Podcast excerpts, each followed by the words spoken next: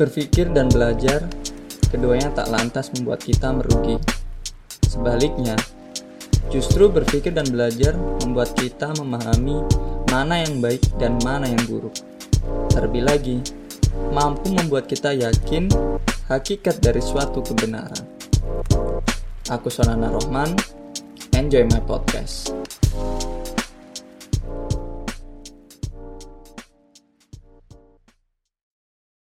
Assalamualaikum warahmatullahi wabarakatuh. Salam sejahtera untuk kita semuanya dan semoga teman-teman baik-baik aja, nggak ada kendala apa pun ya. Nggak ada sedikit pun permasalahan. Kalaupun ada masalah, eh, aku doakan deh teman-teman ini bisa segera menyelesaikan masalah tersebut dan bisa belajar dari permasalahan yang ada.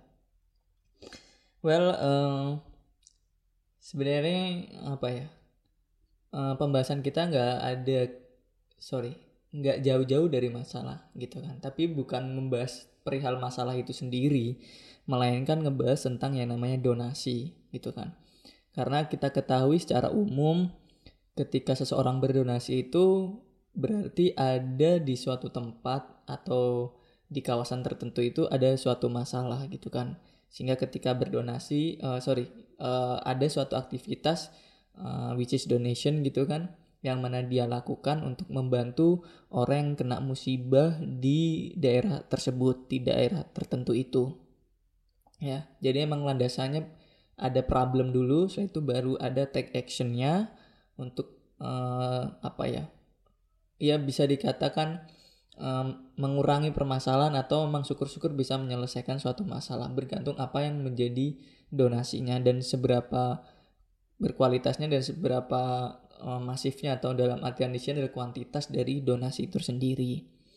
Nah, ngomongin tentang donasi, seperti biasa kita ngebahas dulu dari konteks uh, apa ya, secara mana dulu ya, biar maksudnya kenapa aku uh, apa ya berawal dari suatu definisi agar aku berharap itu agar pemahaman kita itu sefrekuensi meskipun tidak sama tapi setidaknya uh, satu frekuensi ya similar lah gitu kan atau enggak 11 12 kayak gitu. Jadi emang tidak terlalu jauh uh, anggapan kita terhadap yang namanya donasi.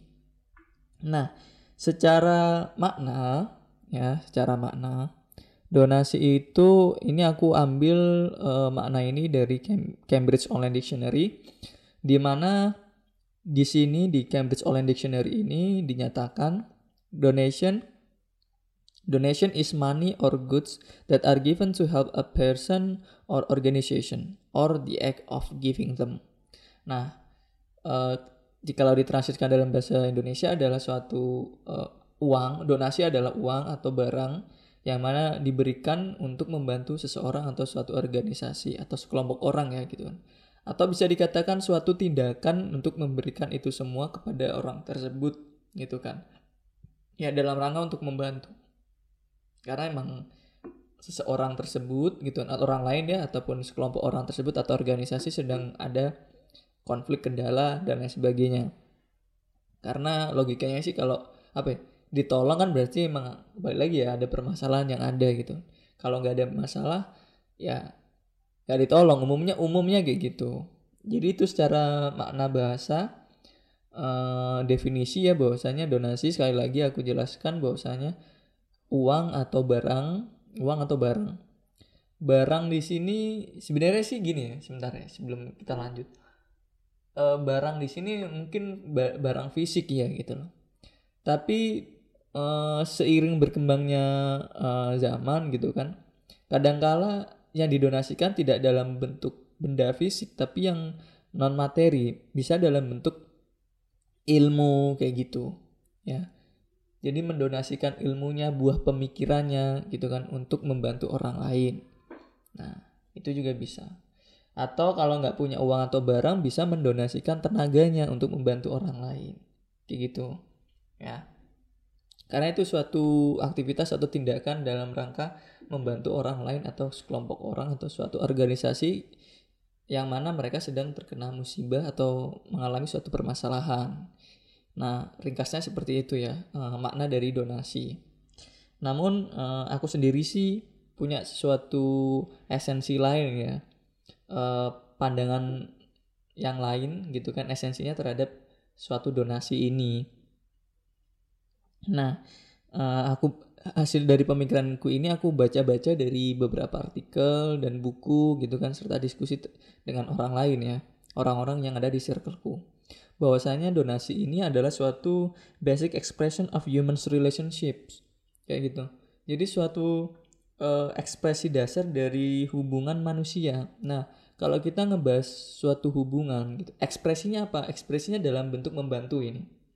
Jadi ini menandakan bahwasanya ketika membantu itu ada membantu itu menjadi salah satu uh, hal yang basic dari uh, apa ya uh, manusia gitu kan manusia adalah social being kan gitu manusia adalah social being atau makhluk sosial di mana makhluk sosial itu membutuhkan orang lain. Nah, di mana interaksinya mem, uh, saling membutuhkan ini ada juga yang namanya donasi. Dan itu hal, -hal yang basic gitu kan dalam suatu ekspresi uh, dalam berkehidupan sosial. Nah, uh, ketika kita membahas relationship di sini tidak melulu tentang manusia dan manusia atau kelompok sosial gitu ya tapi juga bisa uh, apa konteksnya atau ruang lingkupnya adalah manusia dengan lingkungan gitu. Jadi hubungan manusia dengan lingkungannya. Dan dan lagi sih uh, kalau kita ngebahas hubungan tidak hanya kepada uh, sesama makhluk gitu kan uh, manusia atau lingkungan tapi juga kepada Tuhannya kepada Allah gitu. Jadi um, donasi juga bisa menjadi suatu ekspresi yang basic atau ekspresi dasar uh, terhadap hubungannya kepada dirinya dan uh, Tuhannya kayak gitu. Karena semua kaitan apa yang kita lakukan di dunia ini kan selalu mengarah kepada yang namanya Tuhan kembali lagi kepada Tuhan Allah kayak gitu. Jadi nanti uh, aku sampaikan ya. Yang pertama aku ngebahas tentang social being tadi, jadi hubungan uh, manusia gitu kan manusia dengan manusia kalau dengan lingkungan ya sangat mendasar ya uh, seperti ini ambil contoh kalau dengan lingkungan sebelum kita bahas tentang kelompok sosial gitu kan. Donasi ini kaitannya dengan kelompok sosial. Uh, jikalau memang kita mendapati lingkungan kita sedang kacau balau rusak gitu kan. Uh, ada bencana alam dan sebagainya uh, perubahan iklim gitu kan pemanasan global dan sebagainya kita wajib uh, sebagai manusia gitu kan karena lingkungan ini oleh Tuhan kan diberikan gitu loh untuk kita. Kita sebagai uh, khilafah di bumi itu wajib hukumnya untuk menjaga lingkungan gitu. Karena kita juga bisa memanfaatkan kita diperbolehkan untuk memanfaatkan lingkungan agar kita bisa bertahan hidup agar keberlangsungan hidup kita juga relatif lebih panjang gitu loh. Untuk membantu kita dalam berkehidupan. Nah, sejatinya memang lingkungan yang diberikan oleh Tuhan ini uh, tidak selayaknya kita eksploit, eksploitasi secara berlebihan, gitu. Sehingga ketika ya oke okay lah gitu, ada eksploitasi yang berlebihan gitu kan faktanya. Nah, jikalau kita mendapati atau uh, mengetahui hal yang demikian, ada kerusakan lingkungan, kita sebaiknya memang uh, tidak blaming someone else, tidak blaming siapa pun, tapi memang oke okay lah ada blaming gitu kan. Tapi nggak perlu fokus mendalam terjebak dalam blaming someone else blaming particular party kayak gitu. Tapi kita fokus aja terhadap diri kita ajak orang lain gitu kan mendonasikan sebagian dari harta kita atau tenaga kita bahkan pikiran kita untuk memperbaiki lingkungan tersebut gitu loh. Ketika lingkungan itu baik juga kita bisa memanfaatkannya which is okay gitu loh. Jadi ada hubungan timbal balik. Kita memanfaatkan lingkungan dan pun kita menjaga lingkungan. Lingkungan juga bisa apa ya mendapatkan manfaat dari kita, dari aksi kita, gitu kan ya. Ini melestarikan mereka gitu loh. Ya. Nah, selanjutnya tentang social being karena kita membahas tentang konsep uh, human relationship dalam sudut pandang uh, donasi gitu. Uh, teman-teman perlu diketahui, teman perlu mengetahui lah intinya bahwasanya uh, ketika kita membahas social being itu kita juga membahas tentang yang namanya ukuah ya atau persaudaraan karena manusia itu kan berinteraksi gitu kan ada satu komunikasi sehingga ketika komunikasi terjalin gitu kan chemistry itu muncul ada suatu ikatan-ikatan terhadap manusia yang lain gitu loh karena kita berinteraksi dengan mereka nah ikatan ini secara sederhana bisa dikatakan suatu ukhuwah. Secara bahasa ukhuwah memang artinya suatu persaudaraan. Artinya ketika ikatan itu kuat banget gitu kan. Kita seolah-olah menjadi saudara gitu kan. Kita uh, apa ya? Merasakan hal yang sama gitu kan. Dia memahamiku, aku pun memahami dia gitu.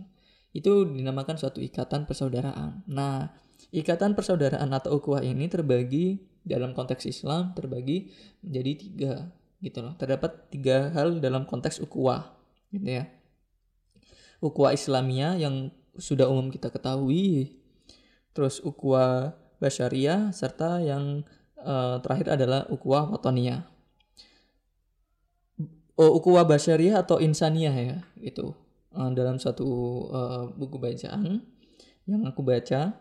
Nah, Ukhuwah Islamiyah yang udah kita ketahui secara mana bahasa adalah persaudaraan antar umat Islam. Artinya, artinya uh, aku bisa secara konteks umum aku bisa katakan ini adalah kita merasa kita sorry manusia itu merasa bersaudara dengan manusia yang lain karena suatu ikatan agama ada suatu hal yang uh, melatar belakanginya which is uh, religion gitu kan. And in this context is Islam gitu. Tapi tidak uh, tidak hanya Islam saja gitu kan. Dengan agama yang lain juga uh, saling keter, uh, keterkaitan gitu loh. Jadi meskipun aku Islam gitu bukan berarti aku tidak bersaudara dengan yang namanya uh, apa agama Kristen gitu loh. Kita saling uh, kita saling mentoleransi di sini. Karena kita saling uh, apa ya pemeluk agama. Terus bagaimana kalau orang yang tidak beragama atau ateis gitu kan? Uh, apa ya itu beda konteks lagi. Karena dia tidak memakai latar belakang agama gitu kan dalam memahami konteks persaudaraan. Itu ke lain hal. Tapi uh, apa untuk yang beragama sendiri siapa pun itu gitu kan uh, tidak melulu hanya Islam saja tapi agama-agama yang lain gitu kan. Kita ada uh, kita ada hal yang kita yakini meskipun kita berbeda ya apa yang kita yakini maksudnya adalah uh, Allah uh, Tuhan ya gitu kalau Islam kan Allah tapi kalau yang agama yang lain punya keyakinannya atau punya Tuhannya sendiri gitu. Tapi atas dasar keyakinan ini keber, uh, keberagaman apa ya? Ya memiliki agama ini kita menjadi suatu saudara gitu loh. Kita tetap ber, uh, kita berbeda tapi tetap toleransi. Kita memiliki suatu ikatan yaitu ikatan keyakinan terhadap agama kita. Ya. Jadi uh, atas dasar uh, ikatan suatu agama ini uh, kita merasakan bersaudara gitu loh ya apalagi di Islam sendiri ya gitu bahwasanya kita sesama Islam itu benar-benar selayaknya saudara gitu meskipun kita tidak mengenal gitu kan tapi karena Islam gitu kan. Kita akan merasa, merasa seperti saudara. Ambil contoh deh in case ya teman-teman keluar negeri gitu. Uh, keluar negeri ke ambil contoh ke mana ya? Misalnya Eropa gitu kan. Ketika teman-teman um, mendapati Muslim di sana meskipun uh, apa ya berbeda bangsa lah ya berbeda berbeda negara gitu kan. Kayak rasanya seperti kayak saudara udah kayak kenal banget gitu kan dan ngobrol pun enak gitu kan ya seperti itu. Tidak hanya di Eropa mungkin di belahan bumi yang lain di negara lain pun juga sama. Ketemu ketemu dengan uh, apa seorang muslim gitu kan di sana. Meskipun uh, muslim di sana adalah minoritas ya berbeda dengan di Indonesia. Tapi ketika kita ke sana kita juga menjadi bagian dari minoritas tersebut gitu loh. Ya, kita ke ambil contoh aku dulu uh, ke Vietnam gitu kan tahun 2019 di Vietnam sendiri khususnya di Hanoi ya uh, tidak banyak pemeluk agama Islamnya gitu kan. Penduduk Indonesia yang ada di sana sendiri pun sekitar 200-an orang gitu loh. Dan satu satu-satunya masjid di uh, Hanoi masjid Anur itu kalau nggak salah uh, ketika ke sana dan ketemu muslim di sana pun juga wah kita ngobrol enak banget gitu kan. Meskipun yang uh, aku ke, aku temu itu orang Perancis kalau nggak salah dan lupa gue tiga orang gitu kan. Salah satunya ada orang Perancis dan wow luar biasa banget kita ngobrol banyak panjang lebar asik aja gitu kan. Kita seolah-olah udah terikat gitu loh. Meskipun kita sebelumnya tidak tidak mengenal satu sama lain gitu. itu yang dikatakan ukhuwah Islamiyah. Seperti itu. Dan ada juga yang ukhuwah insania gitu atau ukhuwah basyariah Di mana ukuah atau persaudaraan itu ada ikatannya atas dasar bahwasanya kita itu umat manusia. Ya, kita sama-sama manusia gitu. Meskipun kita berbeda, kita sama-sama manusia. Kita uh, sedikit mengesampingkan agama karena kita udah bahas tadi. Meskipun kayak tadi yang contohnya yang ateis tadi. Karena kita sama-sama umat manusia gitu kan.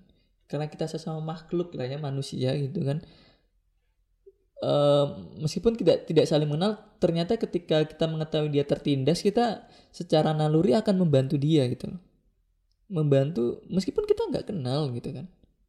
Dia kesusahan gitu kan kita bantu. Secara naluri seperti itu kan. Ada uh, saraf-saraf uh, yang menstimulus simpati dan empati kita tentunya. Ketika kita melihat mendapati uh, seseorang itu sedang dalam musibah kendati dia berbeda dengan kita. Agamanya pemikirannya gitu kan dan lain sebagainya. Jadi ada pers, uh, apa ya ikatan gitu lah batin yang membuat kita saudara karena kita sama-sama manusia dan yang terakhir adalah ukhuwah watonia atau persaudaraan uh, apa? Karena kita sesama bangsa atau senegara atau sama-sama daerah. Nah, teman-teman pasti tahu banget ini gitu kan. Misalnya teman-teman merantau ke mana, teman-teman dari daerah Jawa gitu kan, Jawa Timur, merantau ke luar pulau, ke luar negeri dan ketemu orang Jawa Timur juga gitu kan. Teman-teman nggak kenal teman-teman akan merasa kayak saudara banget dengan orang tersebut gitu. Sama-sama dari daerah Jawa Timur. Begitu juga yang dari daerah Sulawesi gitu kan Kalimantan ketemu merantau ketemu dengan orang yang daerah sama waduh. Ngobrolnya ngalor ngidul panjang banget gitu kan. Nah uh, kita bisa kayak enak banget enjoy banget ngomong dengan orang yang demikian karena kita punya ikatan dari daerah yang sama gitu loh. Nah, alhasil kalau kita tarik uh, garisnya kepada yang uh, yang namanya donasi tadi, ketika kita melihat sesama muslim, kita mengetahui sesama muslim ya, sesama agama kita, sesama orang agama, terus kita mendapati dia juga manusia juga sama-sama manusia gitu. Dan juga uh, sama-sama dari daerah gitu kan yang sama gitu kan ketika dia dalam kesusahan gitu pasti kita akan ada naluri untuk membantu banget, menolong banget, memberikan uh, uang atau barang-barang atau bahkan tenaga dan pikiran untuk uh, membuat dia merasa lebih baik. Gitu. Meskipun tidak menyelesaikan masalah, tapi setidaknya dia tidak uh, apa ya, tidak bermasalah banget lah. Intinya tidak parah banget masalahnya, sedikit bisa mengurangi gitu. Pasti ada naluri seperti demikian gitu. Ya memang sih uh, level simpati seseorang, empati seseorang itu berbeda-beda ya. Tapi yang jelas secara apa ya uh, alamiah gitu kan naluri manusia jikalau ada suatu musibah pasti kayak merasa kasihan gitu. Ada juga orang yang ya oke minimal kasihan lah. Ada juga yang benar-benar sampai mendonasikan hartanya begitu luar biasa gitu kan untuk membantu. Ada juga yang masih belum merasakan harus membantu ya hanya merasa kasihan aja. Tapi at least itu uh, udah simpati itu merasakan hal yang sama gitu loh. Dia musibah aku juga kayak ngerasa kena musibah gitu loh. Ya, itu itu hebatnya uh, apa? hubungan manusia antar manusia gitu kan. Dan jikalau ditarik uh, kepada konteks do donasi tadi amat sangat bisa sekali orang berdonasi atas dasar yang demikian. Hubungan manusia gitu ya. Dan yang terakhir adalah konteks kepada yang namanya Tuhannya. Karena aku tadi mengatakan human relationship kan. Relationship ini tidak hanya kepada lingkungan tidak hanya kepada sesama manusia bahkan kepada Tuhannya ini loh. Di mana kita bicarakan ini adalah konteks spiritualism. Rohaninya gitu kan. Jadi gini uh, kalau ngomongin fisik gitu kan. Kan fisik juga perlu dibuat bugar dan sehat kan gitu loh. Agar bisa beraktivitas gitu kan e, secara normal fisik perlu dilatih yakni olahraga caranya agar fisik itu sehat dan bugar.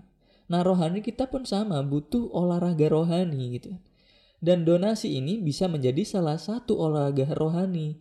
Cara bisa menjadi media dia berkomunikasi dengan Tuhannya dengan Allah kayak gitu ibadah udah jelas. Ibadah bisa dalam konteks maksudnya donasi itu bisa dal bisa dalam ruang lingkup ibadah juga. Tidak melulu ibadah itu adalah sesuatu yang ritual uh, termasuk sholat kayak gitu. Itu kan uh, ibadah yang ritual gitu. Jadi ibadah tidak hanya melulu tentang uh, ritual saja gitu kan. Tapi sesuatu yang uh, sifatnya tidak uh, ritual gitu kan. Sifatnya adalah menolong sesama. Menolong sesama adalah media untuk uh, berkomunikasi dengan Allah gitu ya. Karena dia jadikan donasi itu menolong itu sebagai ibadah. Nah sehingga dia mampulah untuk yang namanya berkomunikasi. Jangan gini jangan komunikasinya jangan kayak divisualisasikan atau diimajinasi diimajinasikan uh, seperti layaknya berkomunikasi dengan manusia gitu loh ya. Tapi berkomunikasi artinya di sini dalam tanda kutip adalah uh, dia semakin dekat Eh, dengan uh, Tuhannya melalui aktivitas-aktivitas duniawi gitu kan. Salah satunya adalah uh, berdonasi contohnya seperti demikian. Itu so aku terangkan lagi ini seperti halnya olahraga rohani spiritualnya di mana itu difokuskan uh, difokuskan kepada caranya dia berkomunikasi dengan Tuhannya dengan Allah nah jadi donasi itu kembali lagi adalah basic expression of humans relationship. Ya. Nah, donasi ini sangat uh, memiliki banyak manfaat, gitu kan. Nah, uh, tapi konteksnya adalah bermanfaat untuk dirinya sendiri dan kepada orang lain. Kalau bermanfaat untuk orang lain itu udah sangat jelas ya karena kita uh, spend something gitu kan, uang, money ataupun goods gitu kan barang-barang atau bahkan tenaga dan pikiran kita untuk membuat orang lain uh, apa ya bisa terselesaikan masalahnya atau setidaknya mengurangi beban masalah yang mereka alami gitu kan. Intinya helping other people. Dan uh, apa ya people someone else can take advantage from us gitu kan berdasarkan atau dari apa yang kita berikan kepada mereka. Nah uh, bisa juga dalam konteks solve the problem gitu kan tadi. Uh, mereka uh, apa ya apa yang kita donasikan itu bisa menyelesaikan permasalahan yang ada gitu kan. Kalau kita ngebahas orang lain yang ditolong berarti dia bisa uh, misalnya aku nih donasi ke orang lain berarti ada ada konteks bahwasanya aku menyelesaikan masalah dia gitu kan. Ataupun uh, dalam bidang apa pun ya tidak melulu ketika dia bencana alam gitu terkena musibah bencana alam tidak melulu seperti itu. Tapi juga dia bisa kesusahan dalam bidang uh, ekonomi bidang uh, pendidikan dan lain sebagainya. Aku donasikan bukuku gitu kan untuk dia uh, bisa belajar menyelesaikan studinya dan lain sebagainya. Itu dalam konteks itu juga bisa menyelesaikan suatu masalah. Kalaupun tidak bisa menyelesaikan masalah setidaknya gitu kan uh, bebannya ataupun masalah itu uh, apa ya jadi berkurang gitu loh.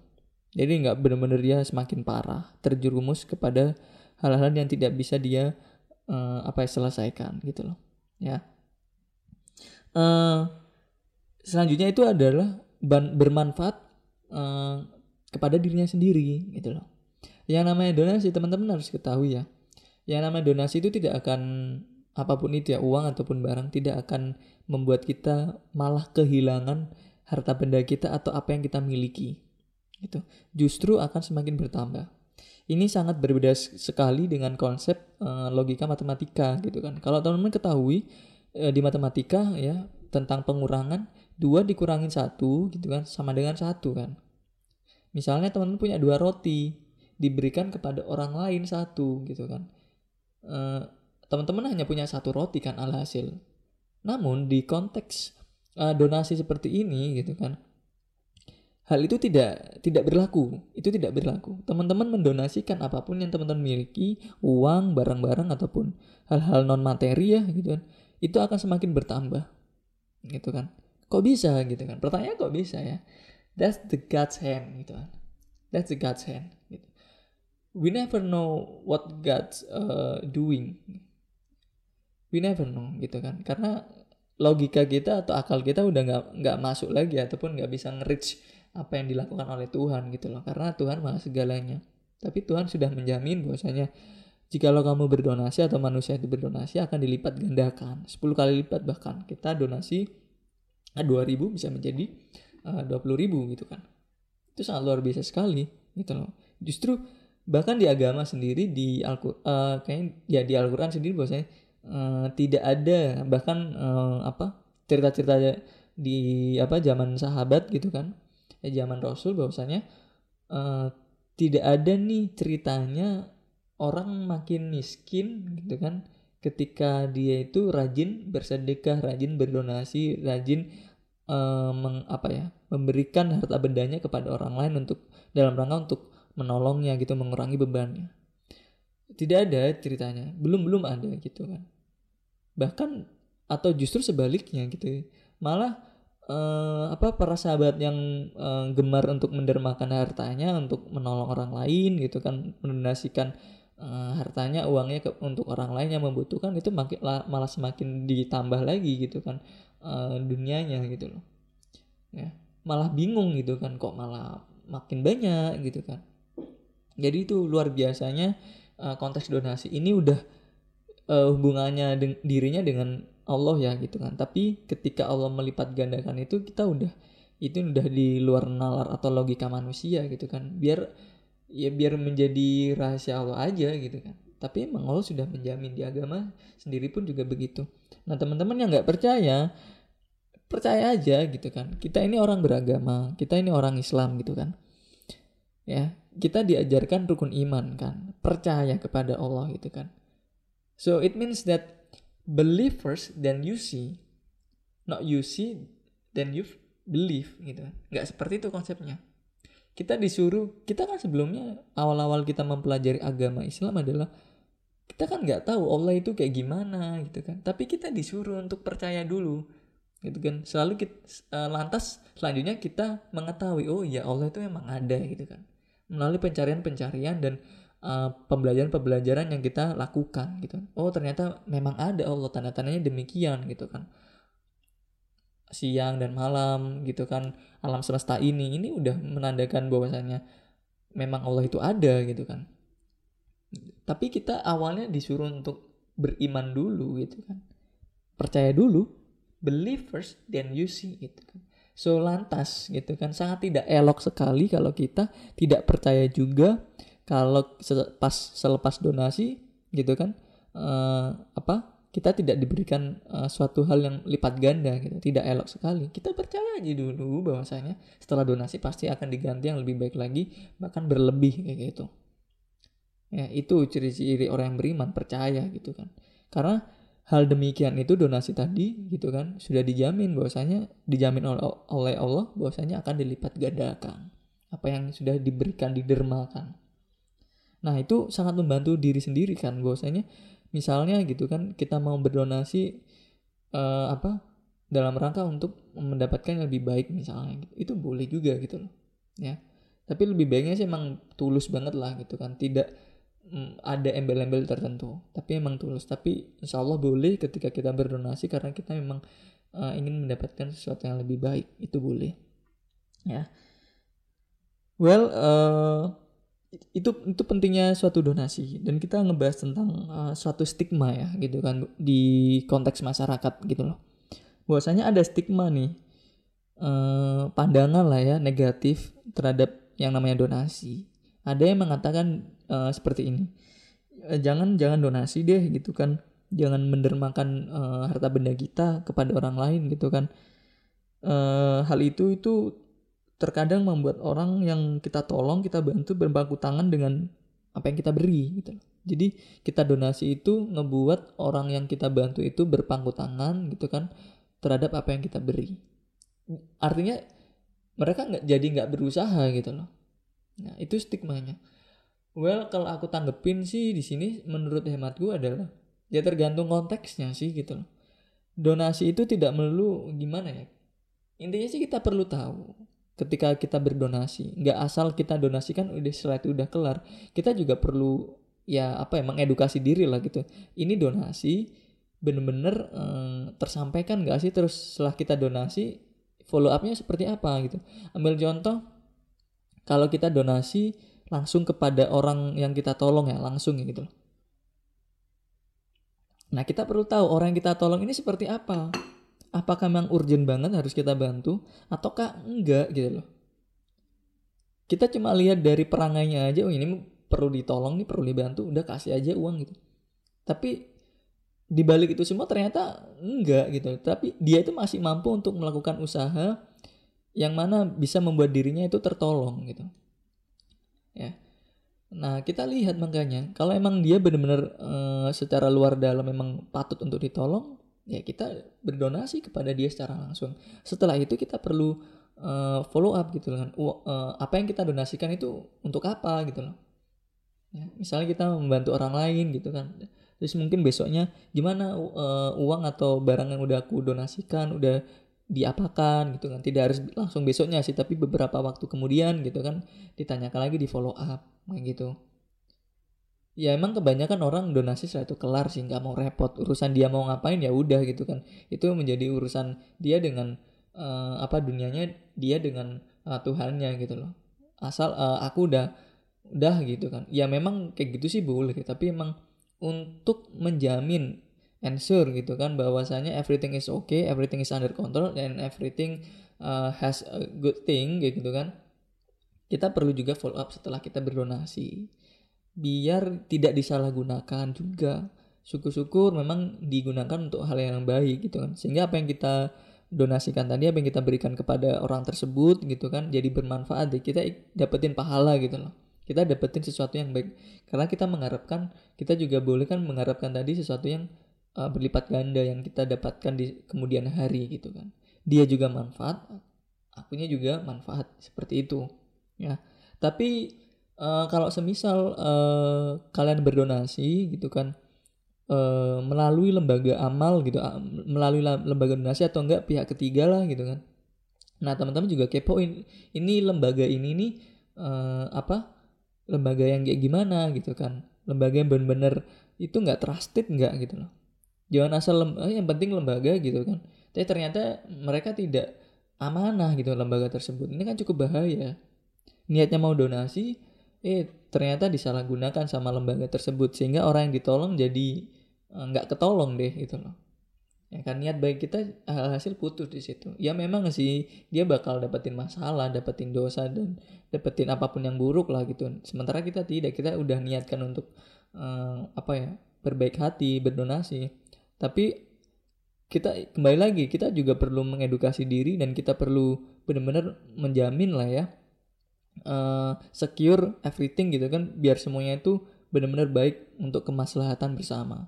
So ketika kita berdonasi dan menaruhnya di lembaga amal atau lembaga donasi kita perlu tahu lembaga donasi ini seperti apa amanah nggak sih gitu kan dan kembali lagi setelah kita berdonasi itu kan kita tanyakan kita follow up lah gimana uh, udah tersampaikan atau enggak selanjutnya bagaimana gitu kan dan lain sebagainya gitu loh karena lembaga donasi tersebut yang benar-benar uh, amanah ya pasti akan uh, apa ya bertanggung jawab atas donasi yang udah didapatkan atau diberikan dari orang lain untuk menuju ke orang yang membutuhkan.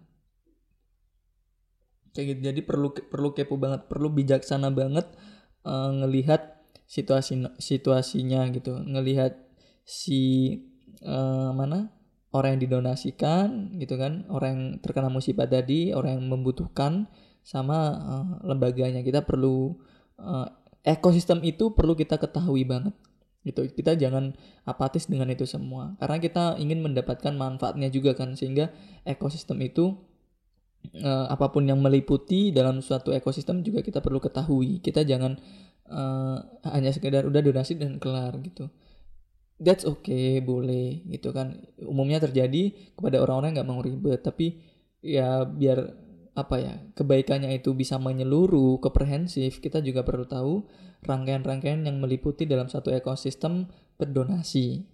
Itu baiknya. Jadi solusinya yang demikian sih. Biasanya kalau ada stigma yang demikian ya boleh ya, orang terserah lah berpikir seperti apa tapi perlu kita tunjukkan ini loh kebenarannya seperti ini. Jadi uh, jikalau jangan berdonasi nanti orang yang kita tolong jadi berpangku tangan dengan kita. Jadi jawabannya adalah ya tergantung gitu loh.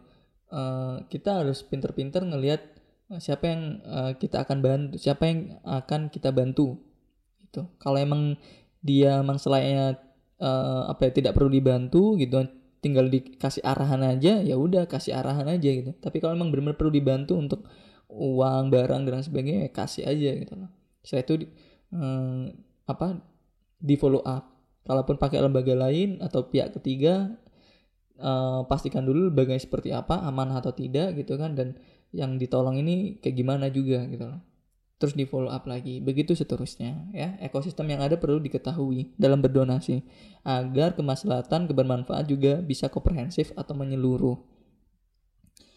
Well uh, apa ya ngomongin tentang donasi emang kayak gini gitu kan uh, aku encourage banget teman-teman untuk uh, berdonasi apa ya mendermakan lah gitu sebagian hartanya, barangnya, tenaganya, pikirannya untuk orang lain yang membutuhkan. Kita perlu melatih diri kita, kita perlu apa ya, mempekakan diri kita untuk peduli terhadap orang lain, peduli terhadap lingkungan, peduli terhadap diri sendiri gitu kan. Karena itu akan berdampak baik gitu kan untuk diri kita, untuk orang lain, lingkungan serta berdampak baik kepada hubungan kita dengan Tuhan kita, Allah kayak gitu. Karena ya ini akan bakal dihisap juga kan. Akan diperhitungkan juga nanti di uh, apa di akhirat nanti. Ini menjadi modal kita untuk uh, apa ya uh, ibaratnya sih timbangan amal kita timbangan kebaikan kita itu jauh lebih besar lah daripada timbangan keburukan kita juga ya uh, memang kesannya agak religius tapi uh, kalau dipikir-pikir sih ini ada konteks ilmiahnya juga ya gitu loh aku sedikit bahas ya ini ya Maksudnya donasi itu juga uh, secara spiritual kita maksudnya memang hubungan dengan Allah tapi hubungan uh, rohani kita itu semuanya dalam tubuh kita itu juga baik. Asal teman-teman tahu ya. Ketika berdonasi, teman-teman pernah nggak bagi teman-teman yang udah pernah berdonasi ya? Pernah nggak sih teman-teman merasakan uh, setelah berdonasi itu teman-teman kayak merasakan bahagia, seneng kayak gitu. Bisa bantu orang lain itu seneng banget rasanya. Gitu kan.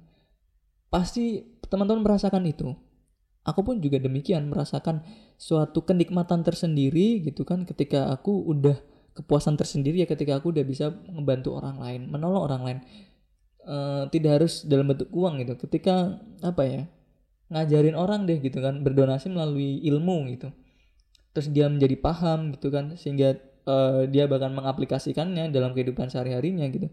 Dan terus menerus itu menjadi hal yang membahagiakan gitu loh. Selain daripada itu menjadi amal jariah gitu kan aku kayak ngerasa bahagia banget ngerasa seneng banget gitu.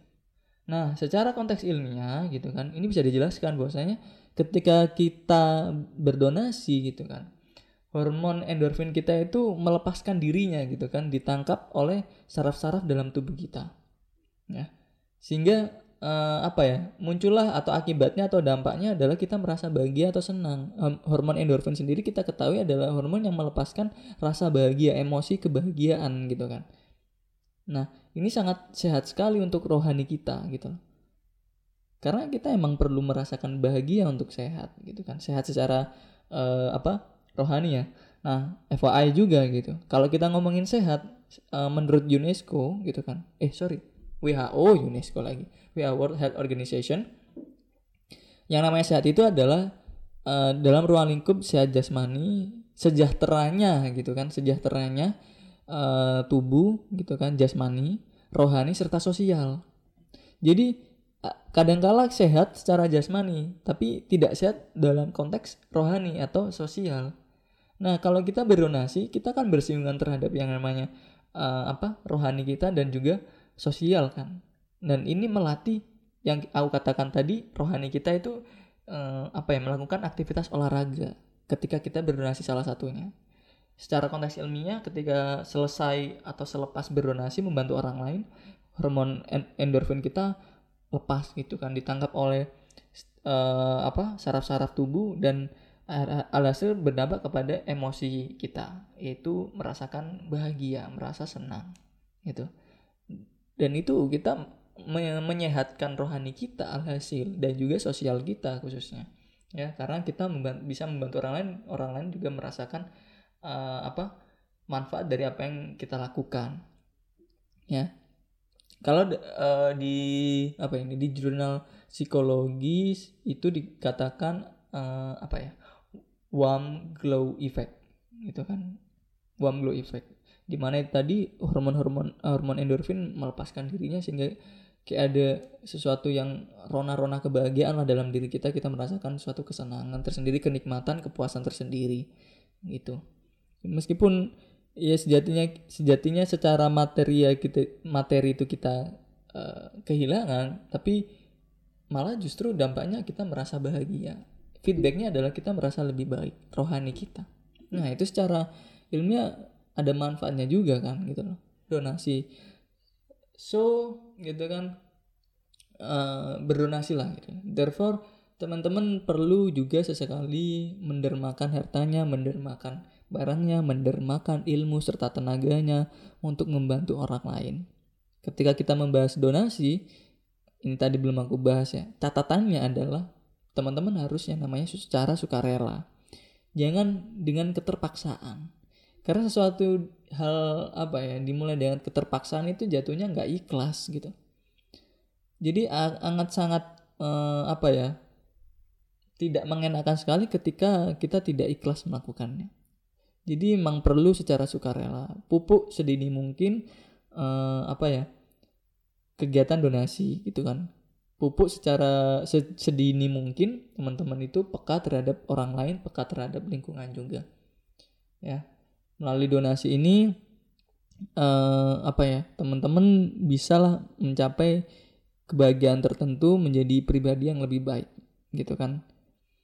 Dan mungkin itu aja yang bisa aku sharingkan gitu kan. Uh, investasikan waktu kalian lah tenaga harta kalian untuk donasi ini ya karena emang untuk kepentingan orang lain dan kepentingan teman-teman sendiri menjadi uh, pribadi yang lebih baik itu tadi ya.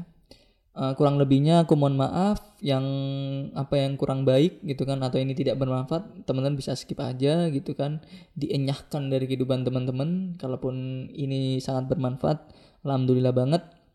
Aku harap teman-teman uh, bisa belajar dari sini dan bisa menerapkannya di kehidupan uh, apa ya kehidupan nyata lah di circle teman-teman. Seperti itu. Well uh, akhir kata wassalamualaikum warahmatullahi wabarakatuh dan sampai jumpa di podcast berikutnya. Bye.